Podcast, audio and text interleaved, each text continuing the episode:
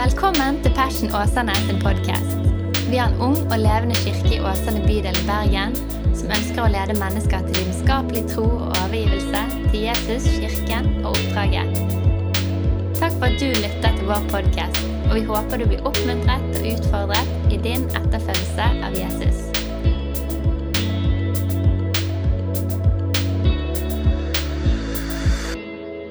Jeg har et ord på hjertet mitt som jeg har lyst til å dele med dere. Så vi tar det personlig og nært i dag. Kanskje vi ber en bønn helt enkelt. Jesus, vi takker deg her for, eh, for ditt nærvær på dette stedet.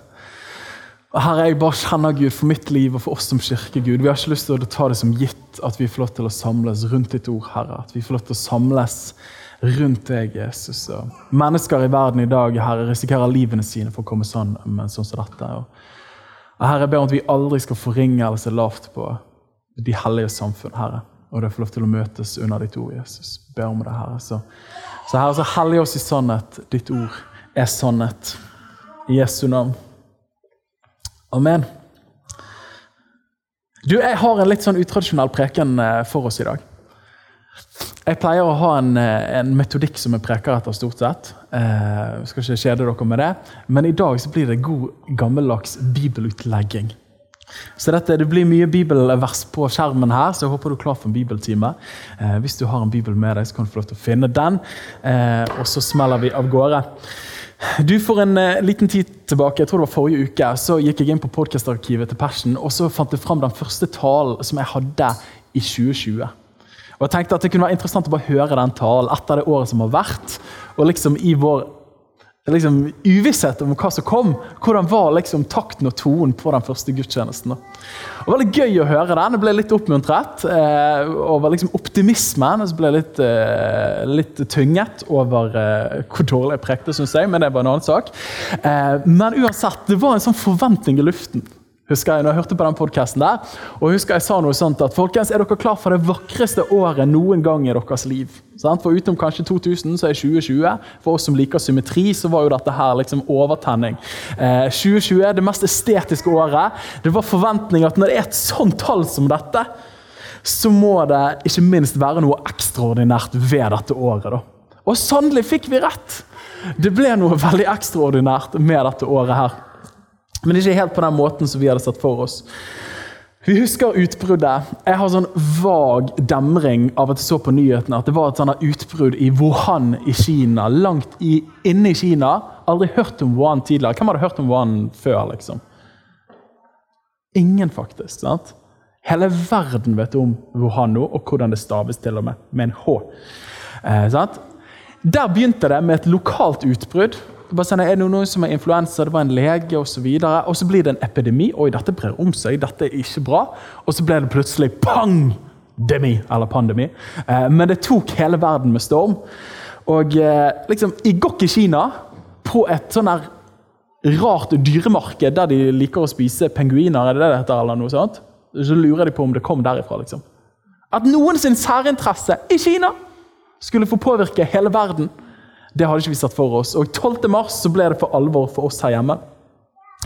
Og eh, Da skulle Life as we knew it endre seg, og det vakreste året vi hadde satt for oss, ble ikke det vakreste året, og for mange sikkert det verste året. Og Vi skal ikke gå inn på alle detaljene, men mange folk har dødd av dette viruset. Og enda flere folk har møtt frykt for dette viruset. Tanken på at kanskje får jeg det, kanskje gir jeg det videre til noen andre. At, og vi aner ikke ringvirkningene av de psykiske skadene, ettervirkningene, de sosiale ettervirkningene, begrensningene på å kunne møtes, det økonomiske smælet. Altså, dette var året som vi ikke hadde sett for oss. Og ikke minst, jeg husker for min del, 2020. Jeg hadde forventninger, jeg hadde forhåpninger, hadde drømmer. Vi alle hadde det. Men mange av de forventningene, håp og drømmene har ennå med å bli realisert. Det ble ikke sånn som vi hadde sett for oss. Og så kan jo man, man si det, men òg Gjørdrum på, på, Østlandet, Romerike, de siste dagene. Liksom, kunne året bli verre? Tenker for de menneskene som opplever det, må være helt grusomt. Så la oss uh, ha de med oss i våre tanker. Uh, og selv om vi er på vest, så kan vi av og til tenke at øst er litt langt borte. Men vi er samme land, om vi vil det eller ikke. Så Jesu navn. Men når vi har et sånt år bak oss, og når vi trår inn i et nytt år, da er det fristende. Jeg kjenner for min del, så kan tankene gå hen. Gud, hvor er du? Og Gud, hva gjør du? Er det sant? Er det noen som har flere av de tankene der? Jeg bare sånn, Gud, hvor er du? Gud, hva gjør du?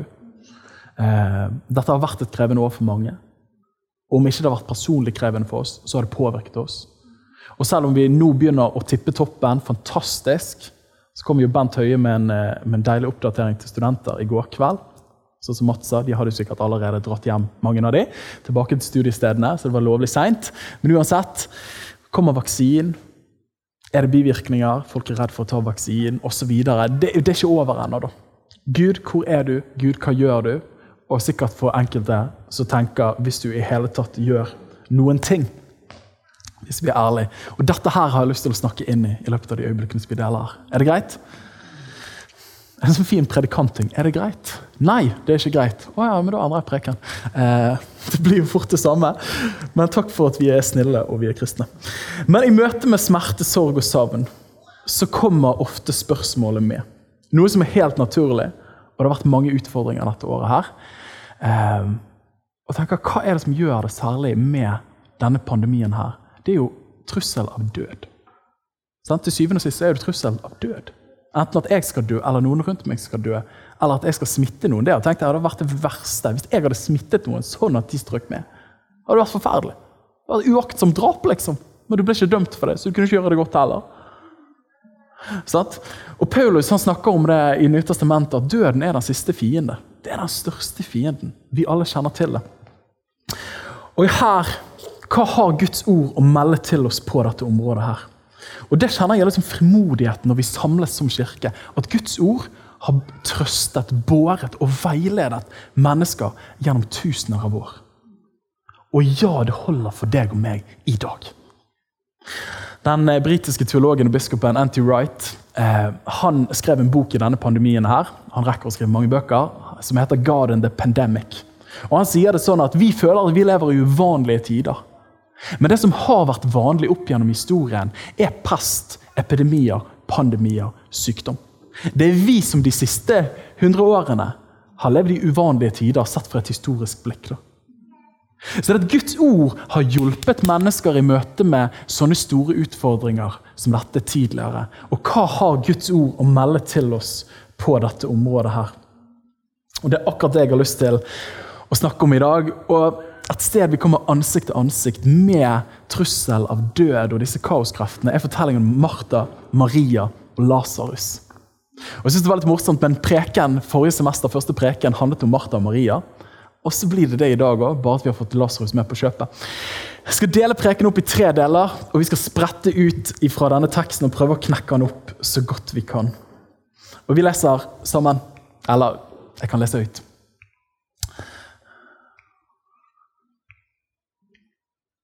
Der. Det var en mann der som var syk. Lasarus fra Betania. Den byen Maria og hennes søster Martha bodde. Det var den Maria som salvet Herren med velduftende salveolje og tørket føttene hans med håret sitt. Hennes bror Lasarus var syk. Derfor sendte søstrene bud på han og sa, 'Herre, se, han som du elsker, er syk.' Da Jesus hørte det, sa han denne sykdommen er ikke til døden, men for Guds æres skyld, for at Guds sønn skal bli herliggjort ved den. Jesus elsket Martha og hennes søster og Lasarus. Da Jesus hørte at han var syk, ble han ennå to dager på stedet han var. Så Fascinerende siste setningen der, vi skal snakke mer om den. Men stikkordet her er motgang. Stikkordet er motgang. Og Her møter vi Martha og Maria igjen. Og Dette er vennene til Jesus. Det er ikke ofte det står i Nytestamentet at Jesus hadde venner altså han møtte regelmessig. Utenom disiplene. Men Martha og Maria løftes opp som noen folk som hadde han veldig kjær. Og De bodde i Betania, som var ca. 3 km fra Jerusalem, som var på østsiden for Oljeberget. Og Når vi møter Martha og Maria i Lukas 10. kapittel, som vi snakket om ved forrige semesteroppstart, så får du inntrykk av at de bodde alene. At de bodde sammen, Martha og Maria. Men i Midtøsten-tradisjon og kultur ja, til denne dag i dag, så er det uvanlig at kvinner bor alene. Det skal man helst ikke gjøre. Så da tyder det på at foreldrene deres hadde gått bort. Men så får vi òg inntrykk av at Lasarus var forsørgeren deres. For at kvinner måtte ha en formynder eller forvalter, en, en forsørger som passet på dem. Så Lasarus var den personen mest sannsynlig som passet på dem som deres bror, siden foreldrene deres ikke lenger levde, mest trolig. Så det at Når vi da leser om at, eh, at Sakkeus var blitt syk, så høres jo det litt sånn at ah, det må være utrolig kjipt. Han hadde blitt syk.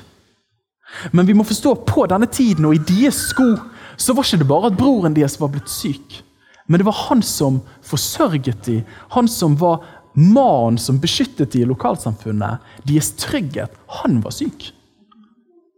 Altså med andre ord, Hva var implikasjonen hvis Lasarus skulle gå bort? så var implikasjonen på den måten der at da måtte de komme under andre som ville beskytte dem, eller være liksom hodet i familien.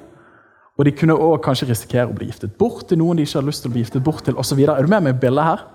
Så Bare i den første setningen der så står det mye mer enn det vi møter ved første øyekast. Og Litt sånn tenker jeg for det året som vi har vært gjennom òg, at én ting er koronaviruset, én ting er det åpenbare. Men òg følgene av det er mye større enn det vi kanskje har sett for oss. Og vi tror vi erfarer det ulikt, alle av oss, men følgene er mer enn bare det vi ser.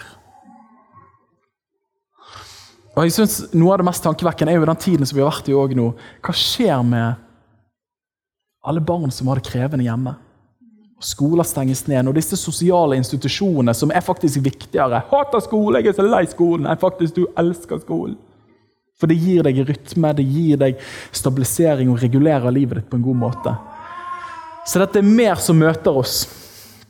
Jeg skal prøve å preke denne teksten inn i vårt liv. Og så står det noen bemerkelsesverdige ord her. og vet ikke om du bet merke i det. Men de henvender seg til Jesus, og de var tydelig hans venner. så de kjente han. Og så sier de, 'Herre, se, han som du elsker, er syk'. Ja, Bare se for deg det, liksom. Det er ganske kraftig språk her, da. Men jeg elsker den formuleringen der. 'Han som du elsker, han er syk'. Jeg tenker, Hvis jeg var litt dårlig, skulle Helene henvende seg til Mats og si du må komme hjem til Daniel, han som du elsker. Så har du jo, Selv om jeg og Mats er glad i hverandre, så har det vært litt, litt spesielt. Eh, han som du elsker, sier ikke hva han heter, men han er syk. Han som du elsker, han er syk. Og så står det på slutten så vakkert skrevet av Johannes. Jeg synes det er kult med Johannes, da. men han betrakter jo seg selv og benevner seg sjøl som disippelet som Jesus elsket i sitt eget evangelium. Jeg liker det, Men han innrømmer også at Jesus var glad i andre. Og så står det Jesus elsket Martha og hennes søster.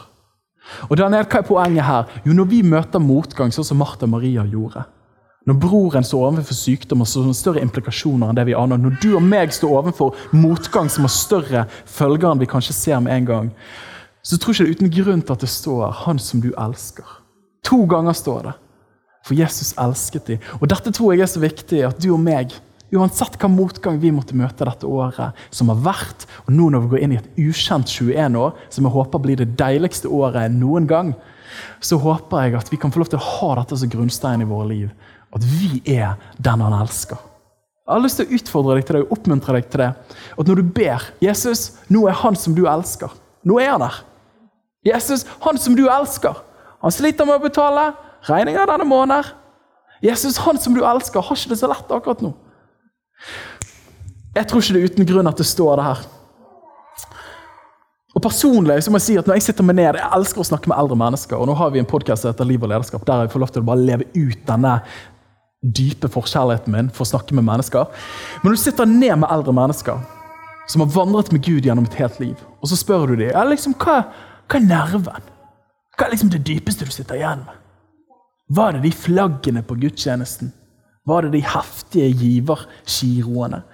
Var det den bibelgruppen? Hva er liksom nerven hvis du skal koke det ned? Og jeg synes Ikke få ganger så sier det nei, vet du hva, skal jeg koke det ned, så er det Guds kjærlighet til meg. Det er Guds nåde. Det er evangeliet. Har dere vært borti det før? Det er liksom sjeldent. Ja, det var den crazy amerikanske profeten. Han bare forandra livet mitt. liksom. Så Det er kult, det, liksom. Men det var dypest sett Guds kjærlighet. Og jeg tror det sier oss noe. Han som du elsker, Jesus elsket deg. Måtte dette være grunnstein? Måtte dette være det dypeste for livet vårt. Og Paulus sier det. Usminket Romeren 8. Og så sier han, for jeg er overbevist. Han var sånn, ok, Hva er det handler om? Hva er nerven? Hva er dybden? Jeg er overbevist om at verken død eller liv Ok, Da har vi bare tatt den største fienden, pandemien, korona. Verken død eller liv. Verken engler eller myndigheter eller makter. Verken det som er nå eller det som skal komme. Verken høyde, dybde eller noen annen skapning skal være i stand til å skille oss fra Guds kjærlighet. Den som er i Kristus Jesus, vår Herre. Guds kjærlighet, måtte det få lov til å være fundamentet for året som har vært, men også året vi går inn i. At vi er de han elsker. Og Så kommer de to versene som er så utrolig krevende og som er så rart. Der eh, Jesus sier til dem denne sykdommen er ikke til døden, men det er for Guds æres skyld. Er bare sånn, Jesus, det vil jeg ikke høre hvis det er noe jeg går gjennom. Ikke si det til meg. Og Så kommer den siste strofen der. Og Etter at Jesus hadde hørt det, ble han to dager til på samme stedet. Hva skjer? Og Jeg tror at vi alle kan kjenne oss igjen i den beskrivelsen der. At liksom Nei, men det der går fint, det der. Bare slapp av. Gud, dette går ikke fint. Jeg sitter her i et panikkanfall. Jeg kommer til å dø! Han bare, sier, bare slapp av. Det er for min ære. Det er ikke for din ære. Dette er grusomt. Og så blir han der. Altså, min erfaring er ofte det at Gud, hvorfor er du litt for sein av og til? Skjønner du hva jeg mener? Det er liksom, Hvorfor fem på tolv? Ja, det som føles som fem over tolv ofte. Og hvorfor kommer du i siste liten? Hvorfor sånn som vi opplever det. Og Du har hørt det bibelverset der. For alle ting tjener til det gode for den som elsker Gud. Sant? Det er velkjente vers hvis du har vokst opp i kristne kretser. Og Så kan du få inntrykket av at liksom alle ting tjener til det gode for den som elsker Gud. Og så kan du få et litt sånn fatalistisk bilde av Gud. Det er et vanskelig ord, men at liksom Gud står bak alt.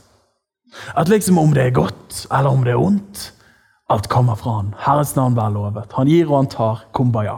Sant?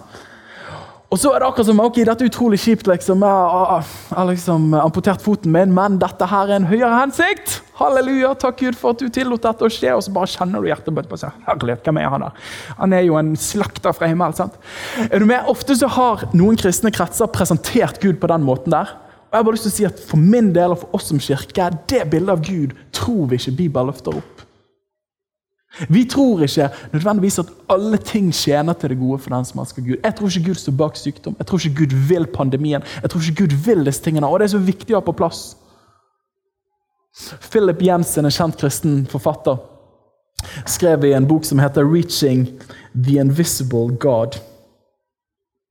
Så skriver han det at egentlig ut fra grunnteksten så kan du tolke dette verset her som mer som at, at i alle ting virker Gud til det gode for den som elsker ham. I alle ting virker Gud til det gode for den som elsker ham. Tok du forskjeller? For da er ikke Gud forfatteren bak alle tingene. Men i alle tingene så kan han fortsatt virke det som var veldig vondt, til noe veldig vakkert. Og det stemmer mer med den Gud som vi tror på. Bill Johnson han sier det sånn at Gud er så flink på å ta ødelagte greier og gjøre det vakkert at han ofte får creden for at det var ødelagt i utgangspunktet. Men der må ikke vi blande kortene. Og det har jeg lyst til å si her også, Når Lasarus er syk sånn som dette her, og for livene våre Så har Gud en vei. Gud står ikke alltid bak det vanskelige og vonde, men Gud har en vei midt i det. Og døden er ikke slutten, men Guds ære er slutten. Guds herlighet er slutten. Jeg har bare lyst til å si det at, at Hvis ikke Gud har blitt æret ennå, så er det fortsatt flere kapitler å bli skrevet av det du måtte gå gjennom av livet ditt. Var ikke det oppmuntrende? Så de møter motgang. Og vi elsker når motgang kommer, og så ser vi at det løser seg fort. Ingenting er bedre enn det.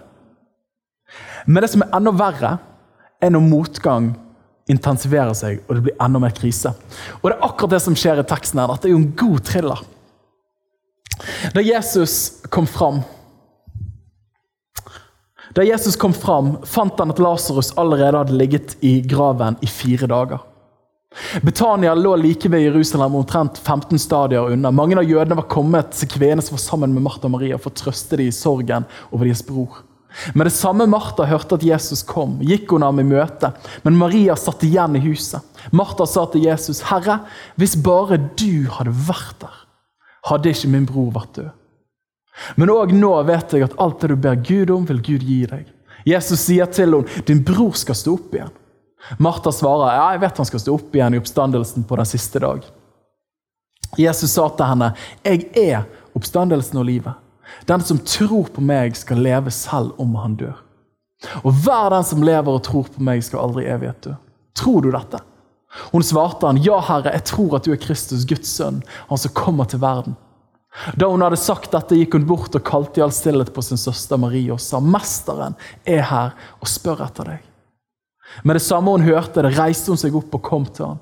Nå var Jesus ennå ikke kommet inn i byen, men var fremdeles der Martha hadde møtt ham. Jødene som var sammen med henne i huset og trøstet henne, sa at Maria så at Maria brått reiste seg og gikk ut. De fulgte, de fulgte de med henne og sa hun går til graven for å gråte. Da Maria kom dit hvor Jesus var og fikk se ham, falt hun ned ved føttene hans og sa, 'Herre, hvis du hadde vært der, hadde ikke min bror vært død.' Da Jesus så både henne og jødene som kom sammen med henne, gråte, ble han opprørt i årene og beveget. Han sa, 'Hvor har dere lagt ham?' De svarte ham, 'Herre, kom og se.' Jesus gråt. Fascinerende. Korteste verset i Bibelen. Jesus gråt. Da sa jødene, 'Se hvor han elsket han'. Noen av de sa, 'Kunne ikke denne som åpnet den blindes øyne, òg ha gjort det slik at denne mannen slapp å dø'?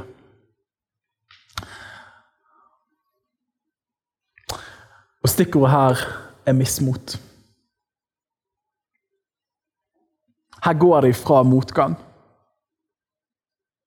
Og Jesus kommer for seint. Og de visste Jesus kunne helbrede. Men Jesus kommer fire dager for seint. Han er død. Fire dager i graven. Da går du fra motgang til mismot. Da begynner håpet å bli parkert. Og det er brutt. Og drømmene og forhåpningene er borte. Og hva skjer? Hva nå? Og på uh, første verset så får vi vite at fire dager har han lagt i graven. Og i orientalske steder der det er varmt, så gravlegger man de fort. Fordi at du ikke har kjølemuligheter sånn som vi har her oppe. Det er ikke alltid vi trenger det, i hvert fall ikke nå for tiden. nå er det grådig kaldt. Eh, men det er varmt på de stedene, så forråtnelsen begynner fort. og det begynner å stinke, Derfor begraver man de fort når de har gått bort.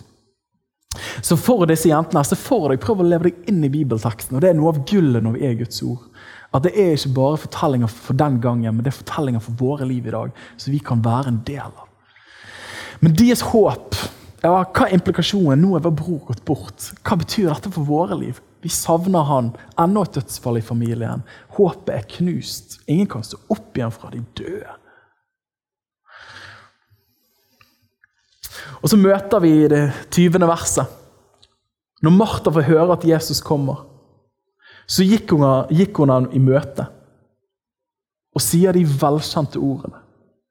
Og Maria sier det ordrett etterpå. Og Vi leste det. Hun kommer til ham og så sier hun Hør på de ordene der. Martha sa til Jesus, 'Herre, hvis bare du hadde vært der.' Hvis bare du hadde vært der. Og Er ikke det ord som vi kjenner veldig godt igjen fra vårt eget liv? Og I møte med livet, men òg i møte med Gud. Og Hvis vi oversetter det til bergensk Hadde bare Hadde bare jeg ikke vært der den kvelden, så hadde livet mitt vært helt annerledes. Hadde jeg bare hatt mot til å si nei når jeg fikk det tilbudet, og holdt tilbake det ja-et, så hadde de neste ti årene av mitt liv sett helt forskjellig ut. Ja, hadde bare jeg vært smart nok til å høre på min mor og far og ikke gifte meg med den personen der. Hadde bare, hadde bare, hadde bare jeg tatt signalet, så kunne livet vært helt annerledes. Og ikke minst i møte med Gud. Hadde bare du, Gud, spart meg fra den familien jeg vokste opp i, og gitt meg en annen familie, nabofamilien ja, faktisk hvilken som helst familie hadde vært bedre enn akkurat den jeg vokste opp i. Ja, hadde bare du, Gud, gitt meg en advarsel om at jeg var på vei til å møte dette i livet mitt, sånn jeg kunne stoppe opp. Ja, Gud, hadde bare du forhindret at den personen kom inn i mitt liv, og så fikk påføre meg sånne sår som jeg bærer med meg. Kjenner du igjen det språket der? Hadde bare, hadde bare. Vi alle sier det hele tiden. Hadde bare. Og jeg synes Det er så vakkert når Bibelen maler disse usminkede responsene til disse, til livet, til hendelser. Bibelen er ikke bare en sånn polert bok. Bibelen er usminket. Mennesker møter livet brutalt, ærlig, rått, usminket. Og det er sånn det er for de fleste av oss. Selv om vi har filter på Instagram, så er det sånn det er for oss. Og hvordan er responsen til Jesus i møte med ditt og mitt, Martha Maria sitt 'hadde bare'? Og jeg synes Responsen hennes ser vi vakkert i møte med, særlig i møte med Maria.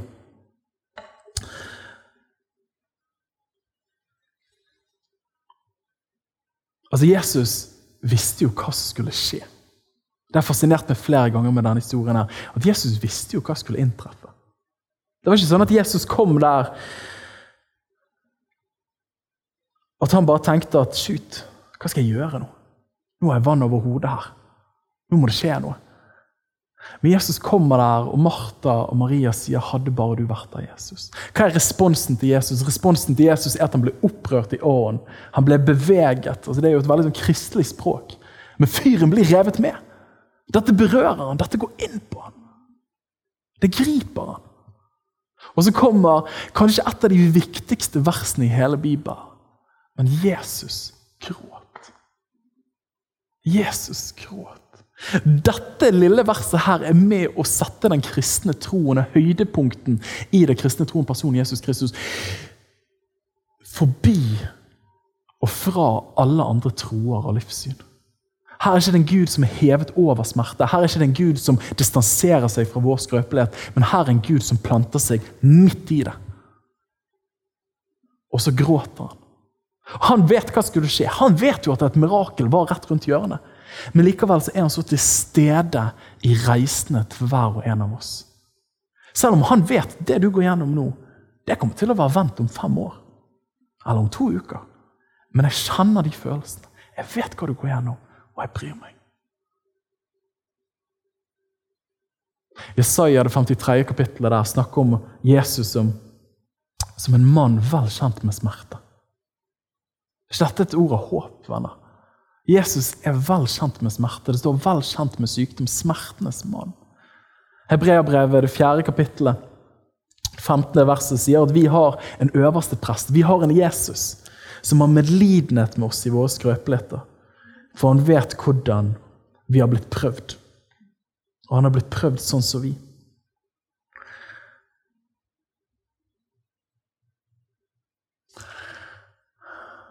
Og Jeg syns det er fascinerende at Jesus sier han sier, 'Hvor er han?' Hvor er han? Hvor er han? Hvor har dere lagt han? At Jesus har lyst til å gå til roten til våre sorger og våre smerter òg. Hvor er han? Du, hva er det du kjenner på i livet ditt? Hva er det du møter på? For det året som har vært, hva er det som har tynget deg? Ta meg til det stedet! Hva er det du er bekymret for og urolig for for 2021? Ta meg til det stedet! Og Det er som du hører et ekko. Der de sier til ham, så sier de 'kom og se'. Vet du, Andre gangen det står i evangeliet, Johannes evangeliet, 'kom og se'. Det er når Philip og Nathanael, Johannes døperen sine to aspiranter, hører om at det har kommet en litt heftigere profet i gaten. Og Så begynner de å følge etter Jesus, stalker han litt på avstand. Og Så sier de 'Mester, hvor er du bor hen?' Eh, Johannes 1,46. Og så sier han 'Kom og se'. Og Så inviterer han de med hjem til seg, og de begynner å bli disiplene hans. Men jeg elsker hvordan det er en vending fra at Jesus kalte de 'kom og se', til at det er ikke bare sånn at vi kommer til Jesus, men at Jesus òg kommer inn når vi sier 'Jesus, kom og se'. Det som er vondt, det som er vanskelig, det som har vært krevende dette året, usikkerheten for framtiden. Jesus, kom og se i mitt liv. Og Jesus kommer da. Er ikke det vakkert, folkens? Ta dere parallell her. Det er ikke uten tilfeldighet at Johannes skriver sånn som dette. her. Han sier, 'Kom og se i mitt liv, Jesus'. Og Han kommer ikke bare når vi følger han, men han kommer når vi bærer han inn i vårt òg. Kom og se. Og så har vi det grunnpunktet der nok en gang. Se hvor han elsket han. Det bare kommer igjen. Guds kjærlighet er den røde troen. Se hvor han elsket han. Se hvor han elsket han. Se hvor han elsker deg. Se hvor han elsker meg. Og midt i mismotet så begynner Jesus Så begynner Jesus å møte dem der òg. Vi møter tilbake til dialogen med Martha.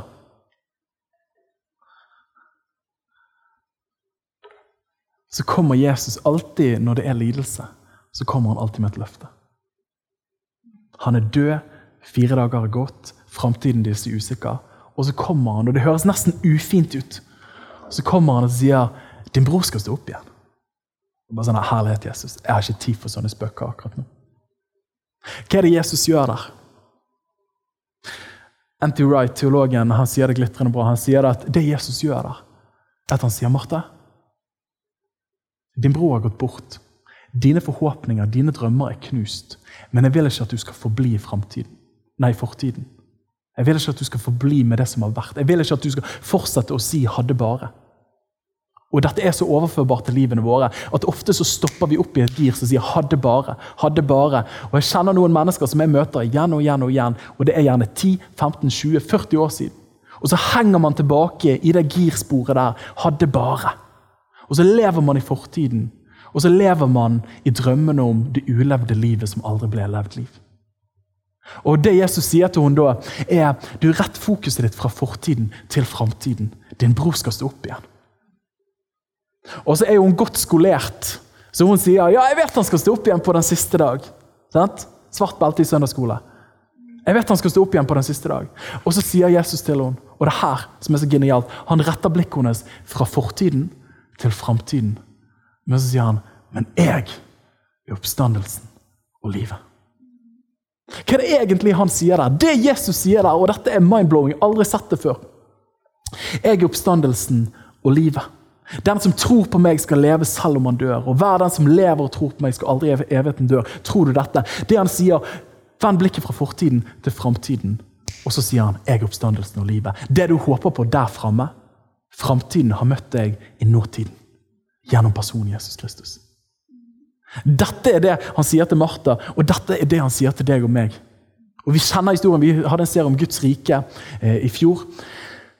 Og Guds rike, hva handler det om? At Guds rike kommer en dag. Ja, oppstandelsen for alle blir der framme. Men Guds rike har allerede kommet med Jesus. Allerede, og enda mer. Og Du kan nesten si like riktig at Jesus kom fra himmel til jord, så kan du si at Jesus kom fra framtiden til nåtiden. Det er like sant. Guds rike har kommet nær. Jesus er oppstandelsen og livet. Og Det er ikke sånn at det er quick fix og alt kommer til å bli great her og nå.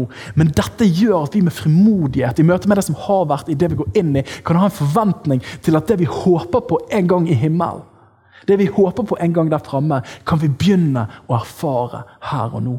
Vi tror på det. Vi er en kirke som tror på kraften i bønn. Vi tror på at Den hellige ånd taler. Vi tror at Gud gir fred, at Gud reiser opp, at Gud leger så, at Gud gir nye begynnelser. Vi tror på det. Hele den kristne troen handler om at vi har fått et håp som egentlig er for framtiden, men det har møtt oss i nåtiden gjennom Jesus Kristus. Og Det er nå ting begynner å eskalere her, og vi går inn i siste passasjen vår. Og så står det når Jesus kom bort til graven, blir han igjen opprørt i sitt indre. Graven var en hule, og en stein lå foran ham. Jesus sier 'ta bort stein'. Det er skandaløst. Ta bort stein. Martha, den avdødes søster, sier til ham, 'Herre, han stinker allerede.' For det er den fjerde dagen. Altså, jeg skulle gitt så mye bare for å høre liksom, hvordan var toneleiet hennes. Liksom, 'Han stinker.' Eller bare sånn 'Han stinker jo!' Jeg tipper det siste. Jesus sier til henne, 'Sa jeg deg ikke at hvis du tror, skal du få se Guds herlighet?' Det høres utrolig liksom, ok, Han er død. Livet er traumatisk. Men bare tro. Det går fint. Kommer Guds herlighet. Det høres nesten litt cheesy ut. Da tok de steinen bort fra stedet der den døde lå. Jesus løftet blikket og sa, 'Far, jeg takker deg for at du har hørt meg.' 'Jeg vet at du alltid hører meg, men pga. at folk er rundt her, sa jeg dette.' 'For at de skal tro at du har sendt meg.' Det var en veldig forklarende bønn til dem. Men for de som er rundt her, altså dere som lytter til meg nå Da han hadde sagt alt dette, ropte han med høy stemme, 'Lasarus, kom ut hit!' Han som hadde vært død, kom ut med liksvøp rundt hender og føtter. Ansiktet hans var inntullet i en svetteduk. Jesus sier til dem, 'Løs ham og la ham gå'. Løs ham og la ham gå. Og Stikkordet her er mirakler. Mirakler. Når alt håp var ute, når han har kommet til kilden av deres smerte, Lasarus, så sier han 'ta bort steinen'. Og det er som du hører parallell til oppstandelsesberetningen. Når Martha Maria, nei, når Maria og Maria begge to kommer til graven, og så står det at steinen var rullet bort. Hvordan kunne Jesus si 'rull bort steinen'? Jo, han kunne si det for at han en dag skulle vinne over den siste fiende, som er døden. Den største fiende, som er døden. Han kunne si 'rull bort den steinen der', for at han er dødens overmann. Hebreerne, det andre kapittelet og det 14. verset. Leste disse versene her for en tid tilbake, og det slo meg at jeg aldri virkelig sett dette her før. Men her står det at ved at han, altså Jesus, ved døden skulle ta makten fra han som hadde dødens makt. Det er djevel. Og for å befri de som har frykt for døden. Og hvor mange har ikke vært preget av det dette året? Eller for året som vi går inn i. Å befri de som har frykt for døden, hadde vært under trelldom hele sitt liv. Tenk å få løftet bort dødsangsten for en verden. Det hadde gjort mye. Som etterfølger av Jesus kan vi slippe å leve under trussel av død. For vi er allerede døde. vi er allerede blitt oppreist i å følge Han. Og Da roper Jesus med høy røst og sier, 'Lasarus, kom ut.' Denne Gud som er utenfor tid, denne Gud som har overvunnet død, han sier, 'Lasarus, kom ut hit'. Og Når jeg forberedte meg, så bare ser jeg i mitt hjerte og, for livene våre at jeg tror det fins ulike områder av våre liv der man erfarer disse kaoskreftene, disse rivende kreftene, der det kanskje er død etter det året som har vært, eller andre områder, der Jesus er bare lengsel etter at Jesus skal få si til livene våre til de områdene Kom ut! Bli liv igjen. Der det måtte være kjipe fortellinger fra fortiden, reis deg opp. Se med frimodighet inn i framtiden. Der det måtte være beskjedenhet, reis deg opp. Ta din frimodighet. Og Jeg tror Jesus kaller på ulike områder av livene våre, og det skal vi be om noe etterpå. Men at han skal få lov til å kalle til liv og si 'kom ut'. For at han har overvunnet de kreftene som holdt det nede. Og Til slutt så står det med disse linklærne på hender og føtter. Og det slår meg, sant? Nå er vi skikkelig inne i bibelutleggingen her. Men ofte så kan Gud reise noe til liv igjen. Men så bærer vi fortsatt med oss bekledningen og identiteten og labelet og subkonteksten, stemmen inni oss, som forteller oss at det vi en gang var, er det vi fortsatt er. Når egentlig Gud har gjort et nytt verk i våre liv. Og Her tror jeg det er et profetisk bilde til oss som etterfølger av Jesus. At, at kle av deg de merkelappene som en gang var sant om deg, men som nå ikke er sant lenger. For at du er korsfest med han. Du er hellig. Du er ikke uheldig, du er rettferdig. Du er ikke urettferdig lenger. Du er tilgitt. Du er helbredet. Det er det Guds ord sier om deg. Det er det som er sannheten. Så måtte vi for det året, og da kjenner jeg med frimodighet i mitt hjerte, måtte dette være et år der vi som enkeltpersoner, men også som kirke, kan rive av noen av de labelene der. At vi kjenner at vet du hva, jeg, Gud har gjort et nytt verk. Han har kalt meg til liv igjen. Og jeg er ikke lenger et nederlag. Jeg er ikke lenger en traume. Jeg er ikke lenger dette og dette og dette og dette, en skilsmisse, hva enn det måtte være. Jeg er ikke lenger det. For dette han har kalt meg ut. Jeg er hellig, er rettferdig, er tilgitt. Jeg er en ny skapning. Jeg er Guds favoritt. Så i møte med dette året som vi går inn i, og med det året vi legger bak oss, hvor er Gud, og hva gjør Gud? Så kjente jeg på dette ordet for oss. Og jeg tror at dette ordet her At gjennom alt var de ordene fikk. Gjennom alt så er Gud Gud. Og gjennom alt så er Gud god. Gjennom alt så er han Gud, og gjennom alt så er han god. Og Gud slutter ikke å gjøre denne ligningen her. At motgang og mismot har han en ende til å vende til mirakler i livene våre. Dette tror vi på. Og bare på grunn av, sånn som Jesus sa at liksom han ble to dager ekstra.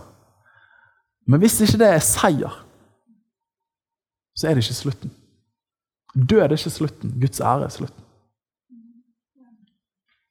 Så hvis ikke det sier, så er det ikke slutten. Gud holder på å virke i livene til oss, til oss som kirke og til verden. Og helt sånn snacks på slutten her At det er jo en deilig bibeltime. Men Betania Det betyr når du leser bibelkommentarer, så betyr det lidelsens eller elendighetens, ulykkens hus. Eller de fattiges hus. Og Det er noe som indikerer ut fra arkeologiske funn at dette var et sted der syke ble pleiet. Og Da syns jeg det er så utrolig oppmuntrende at når du leser Nytestamentet, et av de stedene det står oftest at Jesus dro, det var til lidelsens hus. Det var til elendighetens hus, det var til ulykkens hus. Og dette er der Jesus fortsatt er i dag. Jesus liker å dra til de der stedene. der. Og så tar han inn der. Og bare kjenner det et ord til oss. De områdene av elendighet, hvis du kjenner deg ulykkelig, hvis du kjenner at det er smerte og lidelse, fattig Gode nyheter. Jesus kan adressen der. Og Lasarus betyr 'Gud har hjulpet'. Altså Det er bare, det oser med evangeliet. At Gud kommer, Jesus kommer til disse stedene for å hjelpe. Det er den han er. Er det han gjør. Og Siste gangen Kom og se. Jesus sier først 'kom og se'. Disiplene følger han. Så sier de 'kom og se Jesus hos oss', der det er død, der det er smertefullt. Og så er det ikke første kapittelet i Johannes evangeliet. Så kommer den siste. Peter og disiplene er desillusjonert. Håpet deres har blitt brutt. Gått ut og fisket hele natten. Kommer tilbake til morgenen. Og så står Jesus på stranda, og så sier han, 'Kom og spis morgenmat'. Fantastisk. Det er ikke uten tilfeldighet at Johannes legger det ut sånn som dette her. Først følger Jesus, så inn i vårt mørke, men så avsluttes det med at etter natten så er det en ny morgen, det er en ny morgen etter en natt, og så sier han 'kom og spis'. Kom og spis frokost. At hvis du går gjennom natten, så skal du vite det at det kommer en morgendag der Jesus gjenoppretter håpet han gjenoppretter troen, der han gir nytt og friskt perspektiv for framtiden gjennom fellesskapet, måltidet, med han. Så det at vi ligger bak oss et litt sånn heftig år. Men jeg kjenner, og det er det jeg kjenner for i min ånd for oss som kirke. Men vi går inn jeg tror, i en fantastisk tid. Uansett hva vi måtte møte, så kjenner jeg at vi skal få lov til å bære oss med en ånd av tro og en ånd av forventning til at Gud tar gjennom. Og er det ikke seier, så er det ikke slutten ennå. For han vender motgang og mismot til mirakler. Halleluja. Du, kan ikke vi ta og be litt sammen? Mm. Jesus, vi takker deg, Herre. Og kanskje du bare der du er nå, på, bare løft opp for deg sjøl, hvis det måtte være Eh, noen steder av type elendighet, ulykke. Hvis det er noe du kjenner at har slitt etter året som har vært, usikkerhet i året som går inn, bare, bare hold det opp for deg sjøl, og så skal vi i tro bare løfte det opp til Jesus. Mm. Jesus, her vi takker deg for ditt ord. her. Takk for at det er tidløs visdom og åpenbaring i ditt ord. Det har båret mennesker gjennom pandemier i mange århundrer før. Herre. Takk for at det kan bære oss i denne tiden òg. Herre, vi har bare lyst til å si til deg her fra våre hjerter vi har lyst til å si 'kom og se Jesus' på disse stedene, på disse områdene som er krevende her. Kom og se. Takk for at du gråter. Takk for at du elsker oss. Takk for at du vandrer med oss her. Og så ber jeg deg, Gud, om at du vender, Herre, for oss. Så ber jeg om at du vender motgang og mismot til mirakler, Herre. Og jeg ber om at lovsang skal lyde fra leppene til oss som enkeltpersoner, men òg oss som kirke, Herre. Herre, gi håp til oss som ditt folk. Og så ber jeg om at vi skal få lov til å være bærere av dette håpet. Dette framtidshåpet som har møtt oss her og nå gjennom Jesus. At vi skal få ta det til vår bydel, til vår by og til landet vårt. her. Mm.